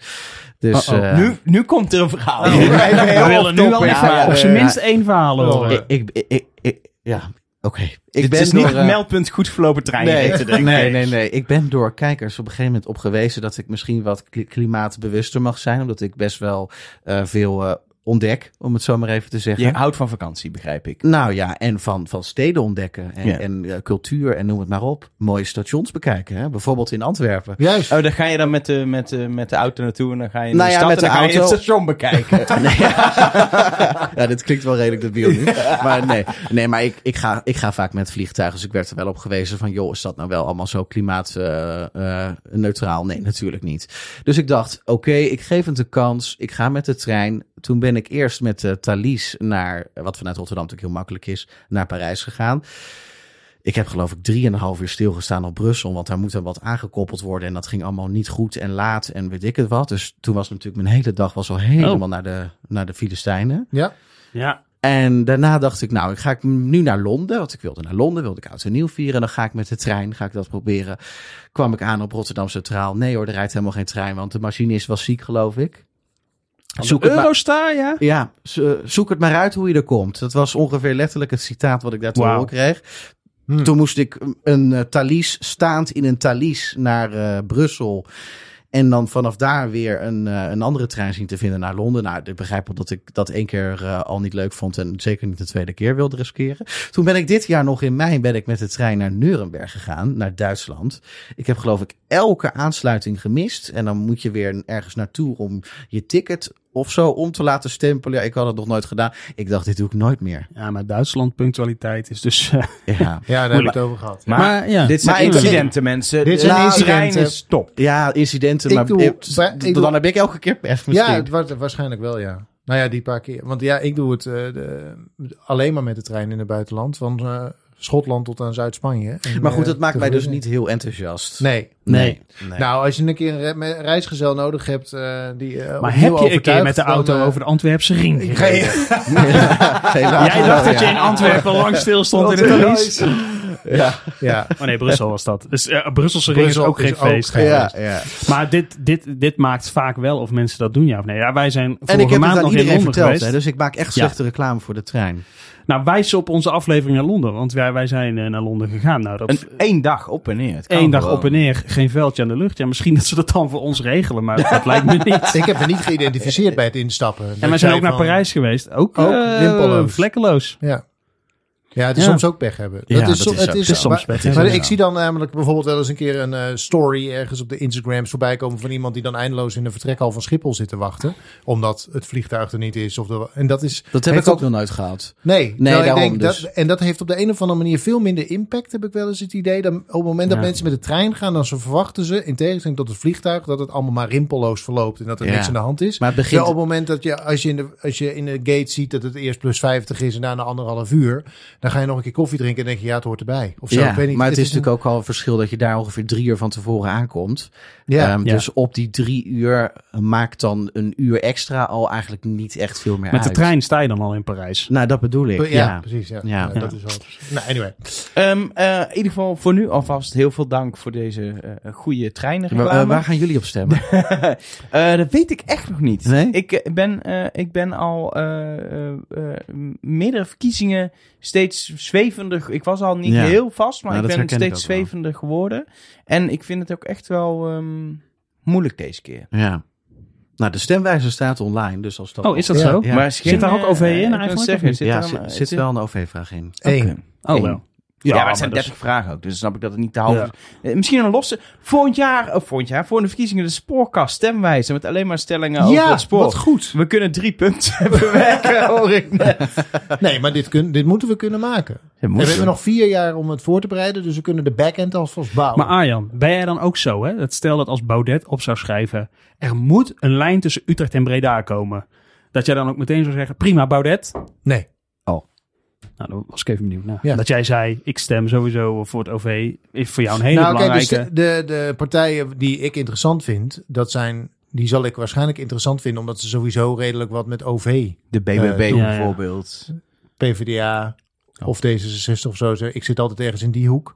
Ja. Eh, Oh, je bent dus zo'n linksig type. Ja, ik ben zeker links. Oh. Vies, hè? ja. Jongens, Maar je het is zo'n jaren 50 term. Is ook zo. Ik ben gewoon progressief. Zo is het. Dat is namelijk helemaal geen jaren 50 term. Maar ik weet het ook nog niet hoor. Wat ik, Nee, eh, ik, eh, nee, ik maar ben- ik vind wel dat jij nu over NSC, want dat vind ik wel een soort eh, dark horse of zo. denk ik altijd, ja, eerst zien dan geloven. Maar dat jij nu zegt, nou, ze hebben alles. Ik had nog niet gezien dat ze alles heel gedetailleerd hebben uitgewerkt, blijkbaar. Maar niet laten doorrekenen, hè? Dus je nee, dat is waar. Maar op zich is er wel moeite gedaan dan. Met al, dus die, geval, uh, met al die mensen die verstand hadden van treinen. Oh nee, verschillende terreinen, dat was het. Ik vind die details, ja. die details nou, zegt wel dat, dat er meer over nagedacht is dan gewone dingen opschrijven die mensen willen lezen. Ja, tegelijkertijd is dit natuurlijk van Pieter Omzicht totaal geen speerpunt. Hè? Dat is vooral nee. natuurlijk bestaanszekerheid en goed bestuur. Ja. En ik kan me voorstellen dat dit wel wat meer een speerpunt is voor een GroenLinks PvdA. We hebben overigens nog niet echt SP of Volt of, uh, of zeg je van nou dat zijn toch niet de koplopers, daar uh, hoef je niet... Uh... Nou ja, je moet natuurlijk kijken naar welke partij de decision makers worden. Ja, precies. En degene die straks aan de onderhandelingstafel zitten, nou volgens mij heeft de SP nog nooit aan een onderhandelingstafel gezeten. Jawel, met voor een kabinet. Ja, toen ze 30 Zeg maar gerust nog nooit. Zo goed als nog nooit. Nee. Uh, SP wil één uh, bedrijf maken van ProRail en NS. Ja, maar die willen uh, alle privatiseringen precies. uit elkaar uh, uh, Dus dat is ja. volgens mij daar het belangrijkste van. En van Volt, ja, dat weet ik. Ik denk één groot Europees spoor. Ja. Dat kan niet anders, want nee, het is Volt. Dus precies. alles moet... Ja. Goede en trein naar Brussel waarschijnlijk. Ja. En ze, precies. En ze zullen overal... Uh, ze, willen van de, ze zullen van de dieseltreinen af willen en overal elektrische trein, treinen hebben. Ja, maar dit is want ze heten Volt. oh, snap je? Ik denk oh, dat het een mooi moment is om dit uh, onderdeel af te ronden. En dan aan het eind van deze aflevering gaan we natuurlijk uh, even bellen met onze huismachinist. Zo mogen we hem inmiddels wel noemen. In opleiding officieel nog wel. Um, Ed Hol. Ed, even als eerste belangrijke vraag. Hoe vaak heb jij inmiddels uh, Tilburg Universiteit overgeslagen? De, de wat overgeslagen? Tilburg, Tilburg Universiteit. Dat is een station, Ed. Nee, nog nul, maar wel bijna. Bijna, bijna! Echt? Of nou, twee keer eigenlijk bijna. Ja, ja echt? Ik, ik moet ze wel allemaal benoemen. Ja, één keer Blaak. Ja, vanaf de zuidkant. Uh, dat uh, ligt best dicht op elkaar. Ik ging veel te hard en de mensen zullen niet op te letten. En die zeiden ineens, oh, we moeten remmen. Dus nou, dat, uh, toen waren we net op tijd. Dat was geen comfortabele stop. Dat, uh, ja, ik zei, doen, doen. Nee, nee, dat is niet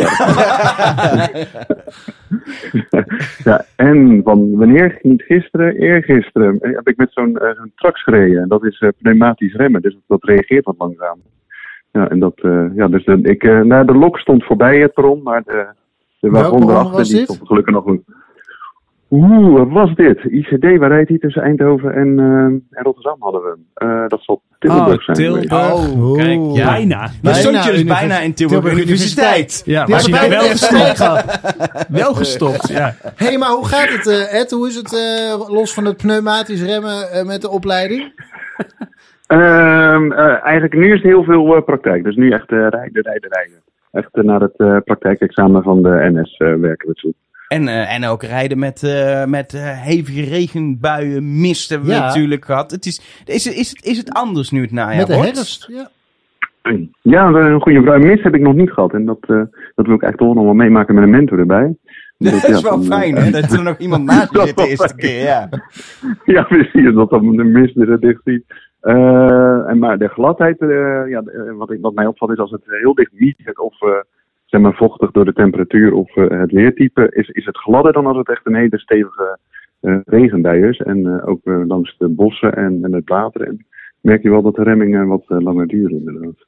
Hey Ed, even voor mensen, natuurlijk luistert iedereen iedere week, iedere maand bedoel ik. maar jij bent onze machinist in opleiding. Waar sta jij nu in de opleiding? Hoe zat het ook alweer? Um, ik heb eerst die uh, examens gedaan voor de VVV, twee theorie en één uh, sim-examen en dan nog een, een uh, veiligheidscommunicatie-examen. En dan ga je eigenlijk de NSR-module in, dus een eigen opleiding van de NS. En daar zit ik nu in, dat is eerst een stukje theorie, dan wegkennis, dus dat je de gevaarspunten, wissels, spoornummers weet van het gebied waar je in de eerste periode mag rijden. En dan heel veel praktijk uh, dagen op de trein. Dat is eigenlijk waar ik nu zit. En, en, nu en hoeveel maanden ben je bezig nu? Uh, zeven maanden. Kijk, dus aan zeven maanden heb je zeg maar de basis. Uh, want eerst moest je de basis, basisopleiding doen. Je bent nu soort basisarts, maar dan machinist. En nu specifiek voor NS. Dat is, ja. daar, zit je, daar zit je nu in. En dan, en dan in het praktijkgedeelte. Maar dat is het laatste stuk, toch? Of niet? ja, dat klopt, ja. En ja, er, er zijn al licht uh, voorspellen of uh, zijn ze bezig met wanneer ongeveer mijn examenrit gaat zijn. En dat zal volgende Oeh. maand kunnen zijn. Of begin ik, december. Ik begrijp dat je al in de roosters voor januari uh, staat bij NS. nee, nee, nog niet. maar wacht ik, even, weet nog, ik weet nog niet wat ik over twee ja. Wanneer, wanneer verwacht je het? Jouw rit? Jouw, Ja, heel misschien, maar dat, dat hangt van... ja, ik, ik heb een hele leuke manager, maar een klein beetje rommelig, net als ik. En uh, ja, hij zei me voorzichtig misschien 22 november. Ja, tuurlijk. Maar oh. dat is goed. Groetjes, Erik. 22 november? Wat doen wij op 22 november? ik wil zeggen. welke trein is dit? Ja. Welke trein is dit? Welke trein is dit? Wij gaan... Uh, het zou wel heel leuk zijn als wij in, jou, uh, in jouw examentrein zitten. Ja. Ik heb altijd al eens een perron over willen slaan. Nee, ga zitten. op een woensdag. Ja. Ja, dit gaan we proberen. Gaan we proberen. Nou, dan moeten we het eerst zeker weten natuurlijk. Maar zo, dan nemen we de podcast ja. op uh, in in jouw trein. Dat zou wel, wel leuk zijn. Oh, wat grappig. Oh, nou, voer, die druk maar, voer die druk maar op. Lekker. We houden contact. We maar dat betekent dus dat we sowieso, als uh, 22 november doorgaat, of wij nou in die trein zitten of niet, en of we nou overleven of niet. Maar we weten in ieder geval dat um, volgende maand we weten of jij um, uh, geslaagd bent in dat geval. Waarschijnlijk. Ja, ja, het is wel een voorzichtige uh, ja. Uh, weet het, planning hoor. Dus uh, ja. Ja. Even ja. ja om de hand. Zeg maar. Ja. Spannend. We, we, Spannend. we gaan het volgende maand horen. Dan moeten we denk ik ja, voor komende maand heel veel succes wensen met, met die vele kilometers nou, die je gaat maken op het spoor. Ik heb tot slot nog even een vraag aan Bojan die bij ons aan tafel zit. Jij hebt meegeluisterd. Ja. Ik word een beetje volgen überhaupt. Redelijk. Heb je zoiets van ik heb het goede beroep gekozen als journalist of heb je een carrière als machinist nu gemist? Ik wilde juist vroeger altijd piloot worden eigenlijk. Dat moet je nog veel meer leren. Ja, ja. ja nou dat is ook niet gelukt. Dan moet je dus, lucht, luchtbekendheid hebben, dat is nog veel moeilijker. Ja. Al die zijn in de lucht en, en die bolling die schijnt er altijd hetzelfde uit te zien. Maar de lucht is heel heil daarboven, dus je hebt niet zoveel luchtbekendheid nodig. Dat scheelt. in ieder geval, uh, Ed, uh, dankjewel. En nou ja, ik kijk nu al uit naar ons gesprek uh, op 1 december. Ja, en misschien dus wel die. Ja. ja. Oh, op welke dag? Ja, spannend. 22 november. Ja, en, en, dat is ook de verkiezingsdag, hè? Oh ja, oh, ja, oh, wacht even. Ja. Dan kunnen we oh. meteen stemmen op het station. Ja, ja, Hartstikke ja precies. Dat kan natuurlijk, ja. ja. ja. Na de examenrit. Even. Precies. Oh, dat was heel even schrikken, maar oh, uiteindelijk ja, valt eigenlijk alles op zijn plek. Eigenlijk had het zo moeten zijn. Ja. ja. Ed, tot volgende maand. Hey, dank jullie wel. Tot volgende maand. Hoi, hoi. Doei, doei. Ja, en dan komt er toch echt een uh, einde aan de spoorkast van, uh, van, van deze maand. De eerste van het vijfde seizoen, bedacht ik me dus net. Staat gewoon de hele tijd op dit plaatje ja, al, maar toch. Maar het is uh, zo gewoon geworden dat ja, wij er zijn. Het is erop. Bojan, super bedankt dat jij te gast wilde zijn. Graag gedaan. In, nou ja, de, de echt drukke tijd gaat eigenlijk denk ik voor jou als journalist het gaat, nu beginnen, ja, toch? het gaat nu beginnen, inderdaad. Dus dat is iedere ochtend in de auto, op pad. Ja, vanaf 7, mag, ik mag even reclame maken. Tuurlijk, Tuurlijk. Mag vanaf, reclame. vanaf 7 november ga ik elke dag naar een andere plek in het land om het over de verkiezingen te hebben in het ontbijtnieuws. Elke dag dus vanaf 7 november. Is het al helemaal daar tussen? Ja, ik zeg, ga je een keer op een station, bushalte, zoiets? Dan moet je kijken. ja, ja. Tussen 7 en 9. Wanneer ben je in Rotterdam? Moet ik ook kijken. Uh, ik ben drie keer in Rotterdam drie? zelfs. Ja. Goed ja. zo. Goed, Toch wel ook de regio, hè? is uitslapen. Ja, ja, zeker. Nee, okay. ja, ja, ja, ja. Maar je dacht drie ochtenden wil ik niet te, te, te, te vroeg op. Mag, mag ik ook. Maar wat een leuke klus zeg, dat je dat mag. Ja, ik heb het met de provinciale verkiezingen ook gedaan. Toen hebben we het wel heel veel over openbaar vervoer gehad. Omdat toen ook het busvervoer bijvoorbeeld heel erg belangrijk was. Lelylijn ook, vooral in het noorden. Um, heel leuk, ja. Zo leer je je eigen land nog eens kennen. Ja. ja. Nou, we gaan kijken. Het ontbijtnieuws uh, bij Vanaf 7 november. 4. Uh, dan moeten wij nog één keer de prijsvraag herhalen, ja, denk precies. ik, voordat we dus, afsluiten. Hoe lang ben je onderweg van Milaan tot aan Palermo met die ene nachttrein die het grootste gedeelte overdag rijdt? Dat is de vraag. Stuur je antwoord naar. Dit is mijn antwoord, spoorkast.nl. Het is 16 uur, het spoorkast.nl. Is het 16 uur? Ik weet het eigenlijk niet eens meer. Zoiets. Maar, goed, anyway. Um, Wanneer stuur je, je het al gezegd? En ja. um, uh, als je de eerste bent, dan win je dus dat waanzinnige boek ik tussen ga, ik de rits. mailen. het antwoord is niet 16 uur. Dat is een klein... klein uh... Ofwel. Oh, ofwel. ofwel. Oh, mijn god, wat een spanning. Um, Volgende maand laten we weten wie hem heeft gewonnen. Zullen we afsluiten? Oh ja. Ja, en Bojan, jij, moet, jij kunt nu bij Robbie, uh, jouw presentator, ook mede-presentator, moet ik zelf zeggen. Uh -huh. die, uh, die is heel erg treinenfan. Klopt, ja. Heel ja, erg. dus jij kunt nu van Hij alles... Wel. Uh, maar zit Robbie hier niet dan? Die, heeft die rit volgens mij gemaakt. Van, uh, van uh, Noord-Italië. Ja, dat, dat zou wel kunnen. Nou, dus jij kunt nu heel erg zeggen van nou, de luister naar de spoorkast. hoe dat zit. En luister naar de spoorkast eigenlijk. Nou, dat niemand hoort hierbij. Nou, waarschijnlijk, waarschijnlijk ga je op het intranet. okay. Bojan die staat maandag bij de koffieshop. Nou, wist jij van Tilburg Universiteit? Zal ik jou eens even precies vertellen hoe dat zit? Ja, mooi. Ja, er worden hele andere gesprekken daar op het RTL Nieuwsredactie. Tot volgende maand. Tot volgende maand.